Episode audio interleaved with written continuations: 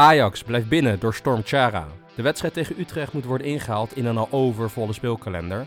Hoe gaat Ajax de komende periode doorkomen? En de origine van onze Ajax-liefde. Dit is de Bong en Stok Ajax-podcast.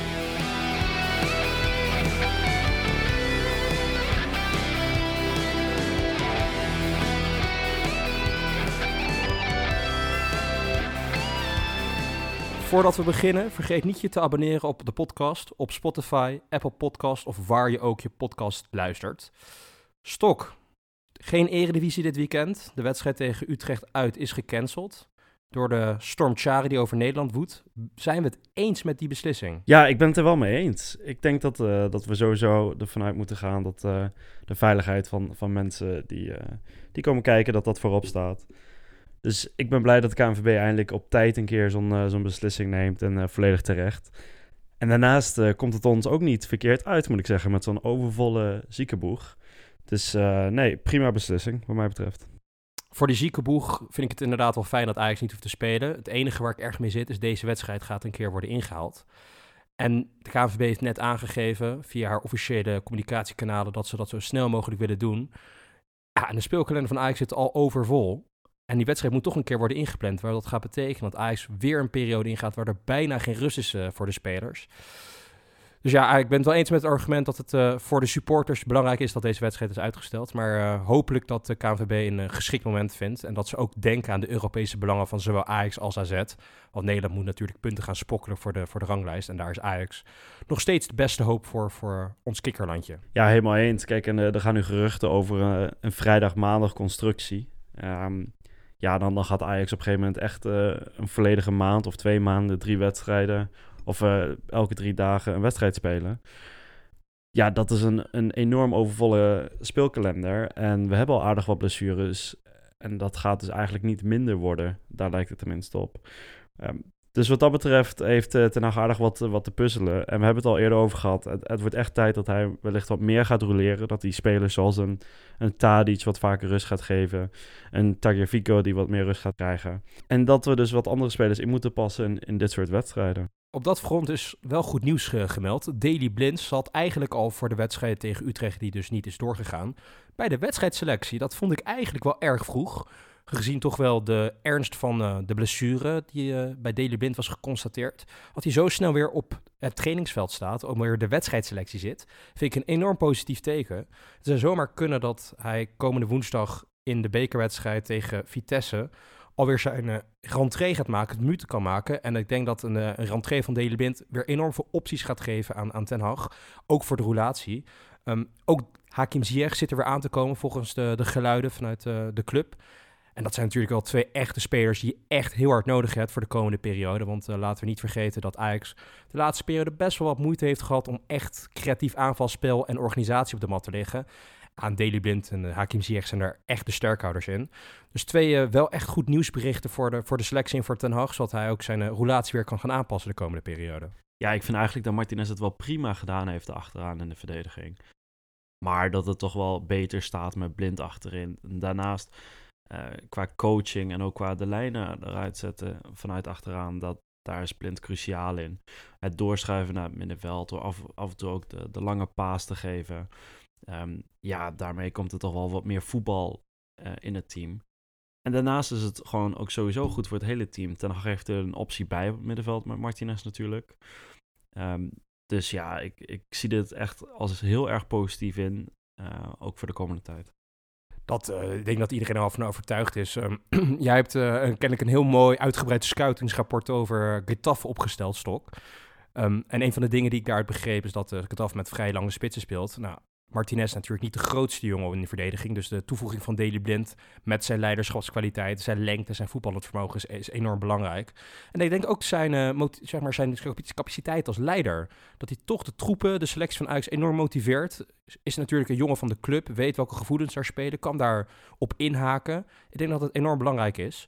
Deze week kwam natuurlijk ook weer naar buiten dat Ajax officieel uh, benadeeld is door de, door de scheidsrechter gedurende de wedstrijd uh, Chelsea, Chelsea-Ajax, waar zowel Johan Veldman als Daley Blind in dezelfde ja, spelminuut eigenlijk een rode kaarten gekregen.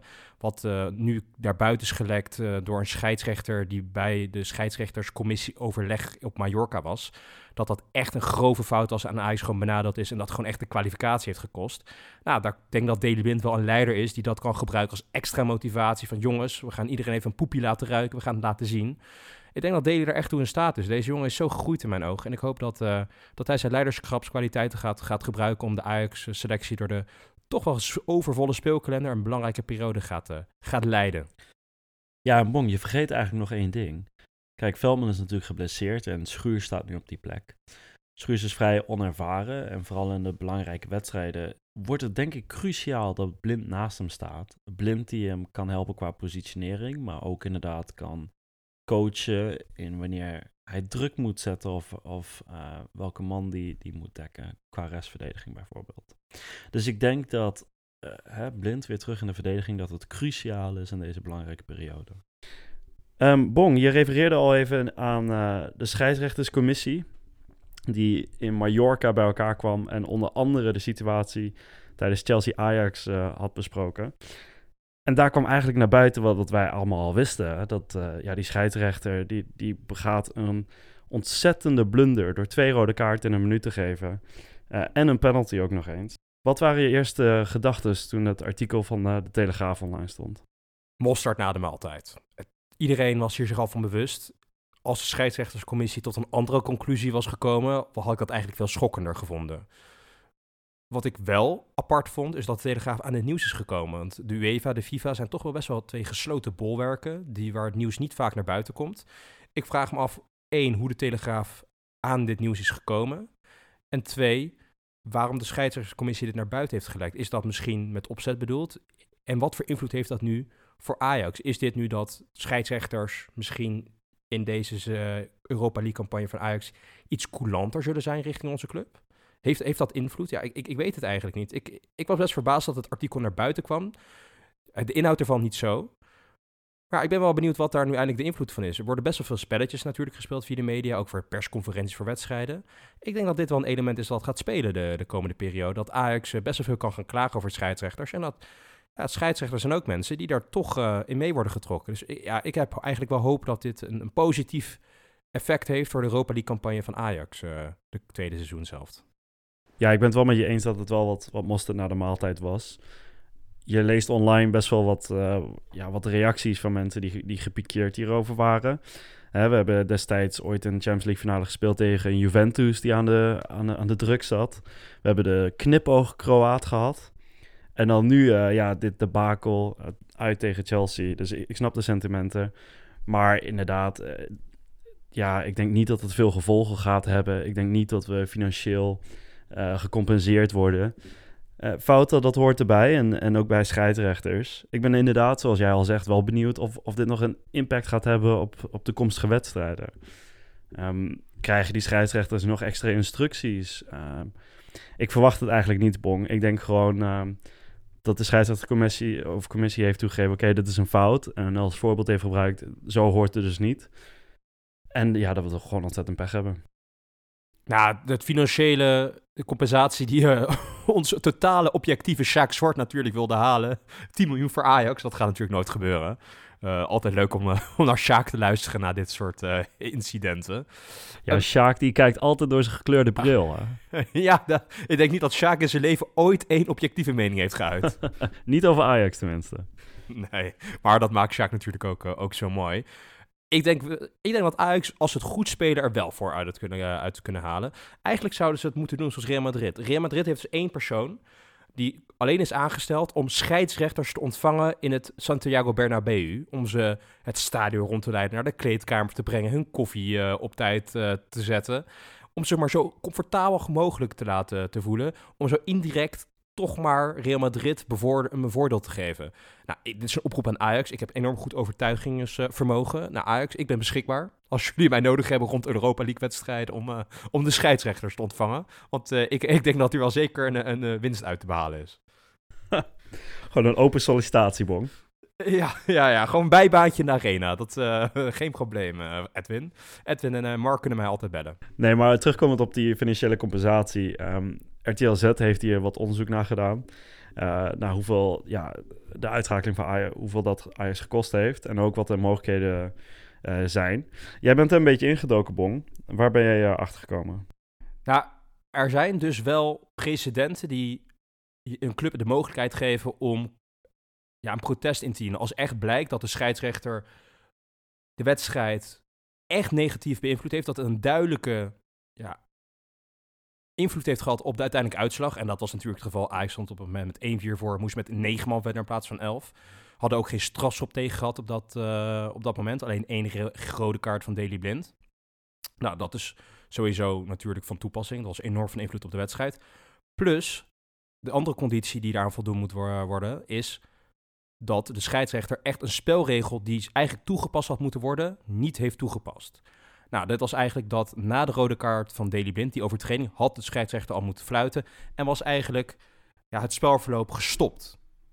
En nu heeft hij eigenlijk een spelverloop beoordeeld waar hij een rode kaart aan Johan Veldman gaf en een penalty. Die hadden eigenlijk nooit mogen worden beoordeeld, omdat het, gewoon, het spel was al dood. Nou, die twee condities heeft de, in deze situatie wordt aan voldaan. En dus zou Ajax protest moet, kunnen, moeten kunnen aandienen.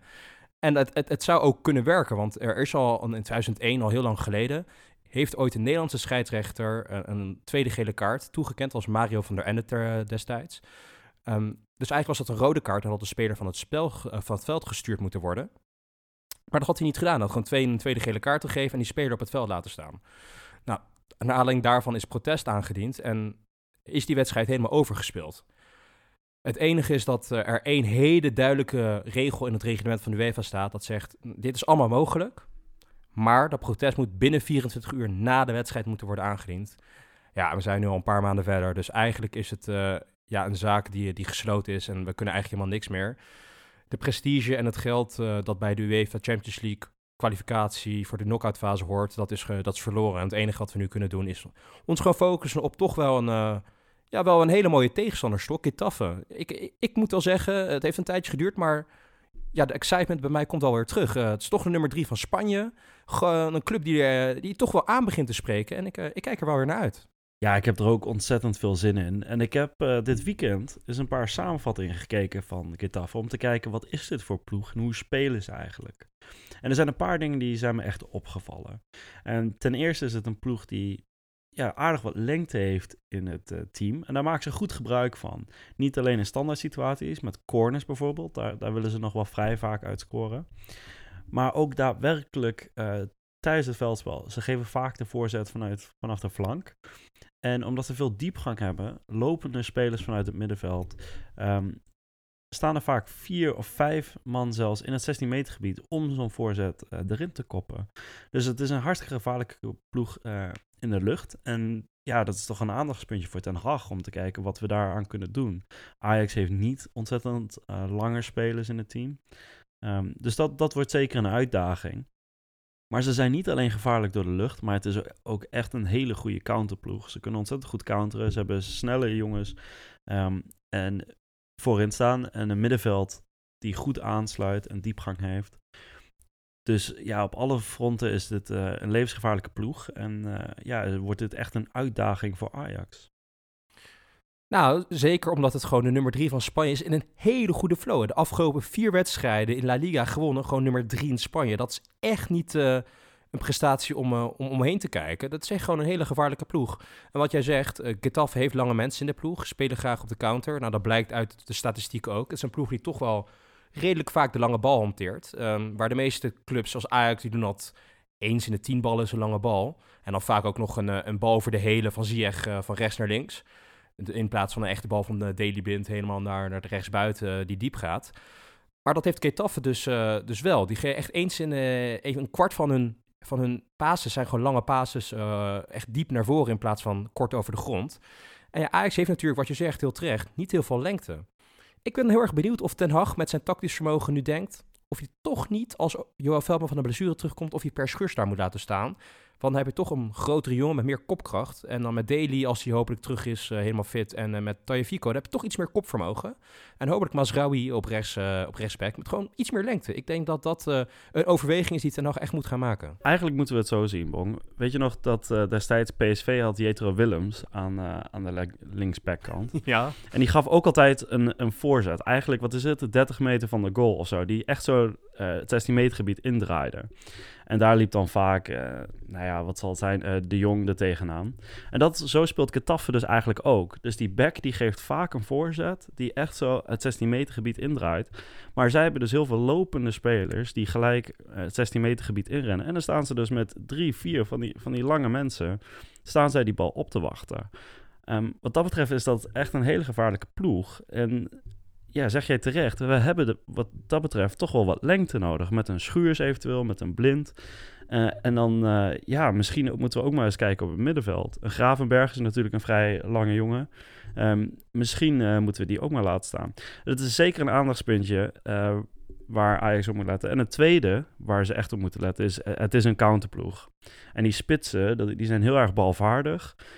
in een één-op-één situatie zijn ze levensgevaarlijk. En dat is nou niet echt het sterkste punt van Ajax dit seizoen. We lopen vaak tegen een counter aan.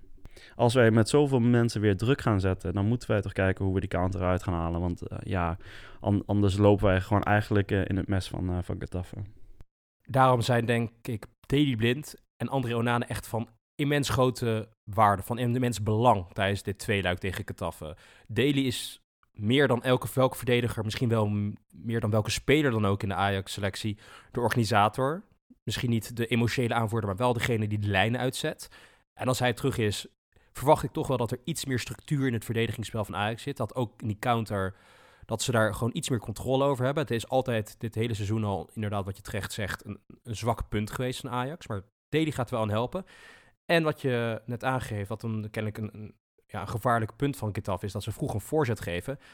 André heeft natuurlijk wel bewezen dat hij echt onbevreesd is in dat soort situaties. Dat er gewoon uitkomt en de bal wegstomt.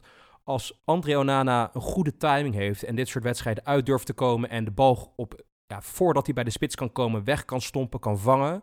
Ik denk dat dat enorm veel gevaar al kan voorkomen. Dus ik denk dat André moet op zijn best zijn en Daly, ja, die moet ook gewoon terug weer op zijn niveau zitten. Wil, uh, nou, niet wil Ajax winnen, maar wil Ajax een, een, zo groot mogelijk kans hebben om, om door te gaan in dit tweeluik. Dus ik ben heel benieuwd. Ik, ik hoop echt, ik denk dat heel veel afhangt van de, de fitheid van, uh, van Deli en, uh, en, en André. Eén dingetje wat mij opviel als ik naar Getafe ook kijk, is dat ze heel weinig tegendoelpunten krijgen, Stok. Heb jij dat uh, ook gezien? Is dat ook de oogtest die jij ziet? Nou, inderdaad. Ze krijgen vrij weinig doelpunten tegen. Um, ze hebben wat geluk gehad hoor. Ook in de wedstrijd tegen Valencia. Daar had Valencia prima nog een paar keer kunnen scoren. Dus dat zegt niet zoveel. Ik, ik, wat ik wel zie is dat teams kansen krijgen tegen Getafe. Er is wel een derde iets wat mij op is gevallen aan dit team. En dat is dat het echt hele vervelende spelers zijn. En daarmee bedoel ik, um, ze, zitten, ze zijn altijd betrokken bij opstootjes. Ik heb alle samenvattingen gezien van, van dit jaar, van 2020. En in alle drie de wedstrijden waren er opstootjes en waren er kleine gevechtjes op het veld. En er waren altijd Getafe-spelers bij betrokken. Dus dit zijn hele vervelende, irritante spelers om tegen te spelen. We hebben het destijds toen uh, thuis tegen Valencia al over gehad. Daar, ja, daar is Ajax ook niet op zijn best. Uh, die laten zich toch nog wel enigszins provoceren. Ook daar is het ontzettend belangrijk dat we het, het hoofd erbij houden. En niet meegaan in, in dat spelletje van Getafe. Waaruit dus eigenlijk wel blijkt dat ervaring heel erg belangrijk gaat worden in, de, in deze wedstrijden. We hebben toch vorig jaar best wel wat ervaring opgedaan op Europees topniveau natuurlijk. In de Champions League campagne van 2019. Ja, die spelers gaan we gewoon echt nodig hebben. Ik hoop ook dat nou, Hakim erbij is. Um, en ook, ja, we hebben nu veel jeugd gebruikt de laatste tijd. Dat is hartstikke goed voor de ontwikkeling. Maar ik denk dat dit echt typisch een, een, een, ja, een gevecht wordt waar je mensen nodig hebt die al ja, getest zijn in dit soort omstandigheden. Die echt op topniveau weten wat er gevraagd wordt, hoe de scheidsrechter wordt bespeeld. Ja, dit, dit is uh, echt een wedstrijd waar Hakim fit moet zijn. En mijn, eigenlijk mijn grote hoop is ook dat straks David Neres weer fit is. Misschien niet voor de eerste, maar wel voor de tweede wedstrijd. Dan hebben we toch ook weer meer diepgang. Wat je zegt, nou, zo'n ploeg die vaak dynamisch in de counter zit. Nou, als Ajax ook met diepgang terug kan steken met, uh, met snelheid en, uh, en ja, met diepgang met Promes en met David Neres hopelijk op de flanken. Ik denk dat dat echt heel veel gaat schelen in hoe Ajax zijn aanvalspel kan diversifiëren in plaats van alleen maar het korte ge gebrei, wat ze heel goed kunnen overigens, wat heel erg mooi is. Maar dat geeft toch een extra dynamiek aan het aanvalspel. Dus ja, ook hopelijk dat, dat ze dit kunnen gaan doen in deze dat, dat denk ik ook. Ik verwacht overigens wel, Bong, dat wij aardig wat hilarische momenten gaan zien tijdens deze wedstrijd. Ik weet niet of jij ja, YouTube-filmpjes gezien hebt van de coach van Getafe.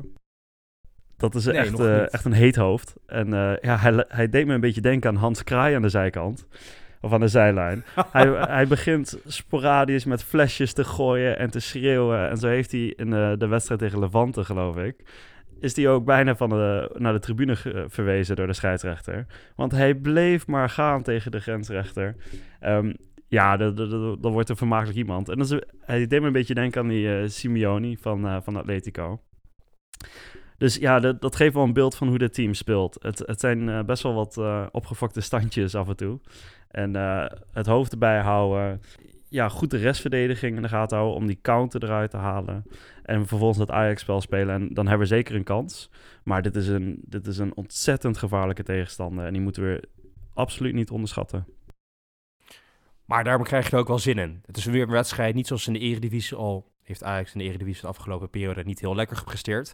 Maar waar je wel echt naartoe gaat van hier kan alles gebeuren. Dat is waar een wedstrijd waar je naar het stadion gaat. Dat je met spanning daar naartoe gaat. Dat, ik krijg er echt wel weer zin in, uh, Stok. Wat je zegt, het, de creativiteit in het aanvalspel van Ajax komt altijd wel goed. Zeker als, uh, als Ziyech weer terug is. Maar inderdaad, de restverdediging, de organisatie, ehm, rust houden. Ook op mentaal gebied als Ketafe misschien wat... wat ja, wat gaat provoceren. Dat zullen echt de, beslissende elementen zijn om, om door te komen naar de volgende ronde, denk ik. Goed, Stok. We zijn nu al een paar maanden bezig met onze podcast en we krijgen steeds meer feedback van onze luisteraars. Nou hebben wij afgelopen periode best wel wat mensen gehad die ons benaderd hebben via Instagram, via DM's of uh, ook gewoon op een mailtje hebben gestuurd. Om wat eigenlijk al meer achtergrond te krijgen op de Bong en Stok Ajax podcast. Dus uh, het leek ons een goed idee om een paar vragen te beantwoorden. Nou, eentje die natuurlijk uh, een hele standaard vraag is, maar die wel beantwoord moet worden. Waarom zijn wij de Bong en Stok Ajax podcast eigenlijk begonnen? Ja, dat is een hele goede vraag. Um, wat de luisteraars wellicht niet weten is uh, dat Bong, jij woont natuurlijk in, in Amsterdam. ik, ik woon in, in Ierland. En vaak na een belangrijke wedstrijd van, van Ajax, dan, dan hadden we het er vrij lang over. Dan belden we elkaar en dan hadden we het over de wedstrijden. En zo af en toe kregen we wel eens commentaar van, nou dat zou je eens op moeten nemen dat geouwe hoer van jullie, ik, ik weet zeker dat mensen dat nog wel interessant zouden vinden ook.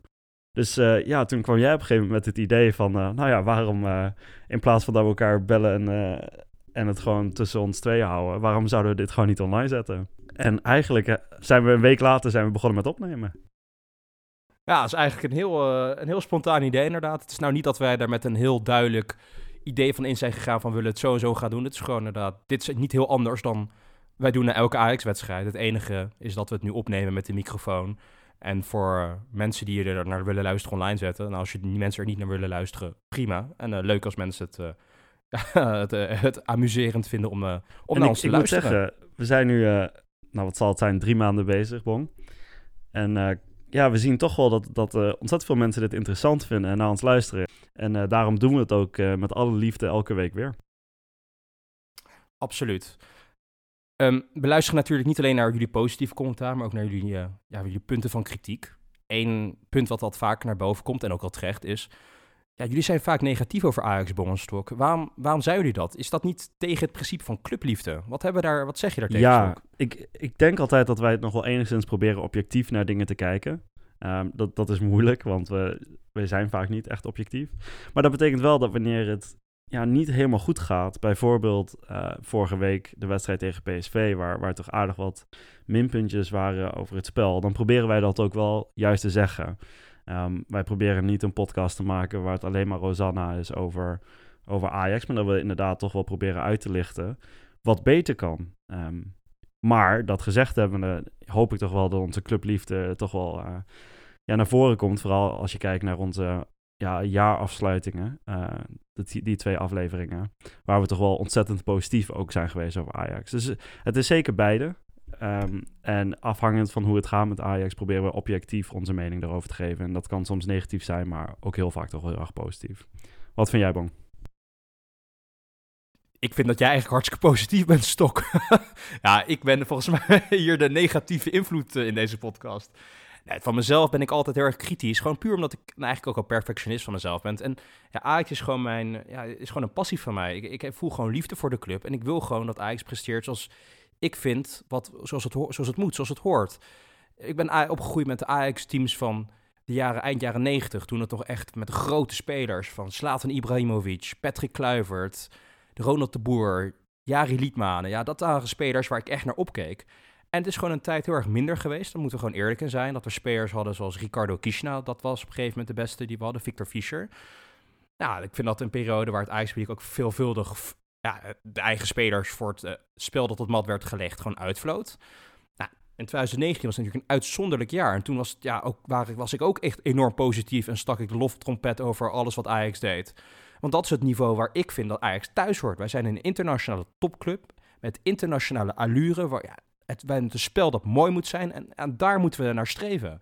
En als dat een keer niet gebeurt, zoals tegen PSV inderdaad vorige week, ja, dan vind ik dat wij het recht hebben als supporters om daar gewoon een eerlijke mening over te uiten. En ja, ik vind dat eigenlijk meer de negativiteit die ik vaak wel uitstraal als het echt wat minder gaat. en dan kan ik wel heel erg negatief zijn, daar ben ik me van bewust. Maar dat vind ik juist een uiting van, uh, van onze clubliefde. Dat wij denken dat Ajax beter kan en beter moet. Wij gaan ook gewoon puur vanuit, uit ons, helemaal objectief, dat elke Ajax-medewerker naar deze podcast luistert. En dat hier ook echt wat wordt mee gedaan. We weten het. Edwin, Mark, Erik, jullie luisteren stiekem gewoon naar deze podcast. Dus uh, doe er wat mee. En uh, Bong, we hebben het veel over clubliefde gehad. Waar komt eigenlijk jouw liefde van Ajax vandaan? Nou, eigenlijk van mijn, uh, stamt dat uit mijn eerste herinneringen van het voetbal zelf. Mijn eerste bewuste herinnering van het voetbal komt van het WK 1998. Ik weet nog heel goed dat op Nederland tegen Zuid-Korea was dat op een gegeven moment. Dat was de eerste moment in mijn leven dat ik me eh, ja, bewust werd dat ik een bril uh, nodig had. Mijn vader zei, uh, hoe, weet je hoe, wat is de stand eigenlijk op het beeldscherm? En ik kon gewoon niet zien dat het 0-0 stond. Ik zei 3-0 of zo. Dus toen zei de hele familie, um, misschien moet je even naar de opticien om dat te laten checken. Um, nou, vervolgens dat laten gecheckt. Dus ook met een bril heb ik bewonderenswaardig naar de campagne van Oranje gekeken in, in Frankrijk. En ja, ik heb daar spelers gezien stok. Bergkamp, De Boer, ja, de, twee, de, boertjes Davids, Jonk, Kluivert. Ja, en dat waren spelers. Ik heb zo genoten van het oranje op dat WK. En de spelers die mij het meeste aanspraken waren ja, de Ajax-spelers. Die van het mooiste voetbal op de mat legden met de meeste, het meeste vernuft, het meeste gochme, de meeste klasse, de elegantie. Ja, en door die spelers ben ik eigenlijk naar Ajax getrokken en ben ik Ajax gaan volgen. En, ja, en zo is eigenlijk heel natuurlijk mijn Ajax-liefde ontstaan. En nog steeds zijn dat soort spelers mijn favorieten. Daarom is Frenkie de Jong, vond ik dat fantastisch om vorig jaar naar, te kijken. Dat vind ik zo'n elegante speler. En Hakim ook dit jaar weer. Dat zijn spelers die mij doen denken met nostalgie aan de spelers, de eerste Ajax-spelers die ik op het WK 1998 aan het werk heb gezien. Ja, daar kan ik me eigenlijk alleen maar bij aansluiten, Bon. Kijk, wij zijn natuurlijk geboren aan het begin van de jaren 90. En dat was een periode waarin Ajax uh, ja, natuurlijk van, fantastisch voetbal speelde. Het was echt een team met jonge talenten die echt een, een visie uitdroegen. Echt op de, de Hollandse school uh, manier speelden, aanvallend. En daarmee echt een beetje de wereld veroverden met eigen talenten. Dus ja, vanaf het eerste moment was ik verknopt aan deze fantastische club. Nee, en zo hoort dat ook. Eigenlijk ben ik nog steeds van overtuigd dat iedereen die geen Ajax-supporter is in Nederland, die moet gewoon even naar de dokter om zich te laten checken. Want Ajax is de enige echte club van Nederland. Lieve luisteraars, dat was hem alweer voor deze week. Leuk dat jullie weer naar ons geluisterd hebben. Vond je deze aflevering nou leuk? Vergeet je dan niet te abonneren op onze podcast en ons te volgen op de social media kanalen. En heb je nou nog vragen voor Bong of voor mij? Stuur je vraag vooral door via Instagram en wie weet komt jouw vraag volgende week terug in een nieuwe aflevering van onze podcast. Zoals gezegd, volgende week zijn we er weer. Hopelijk met meer voetbal van onze Godenzone.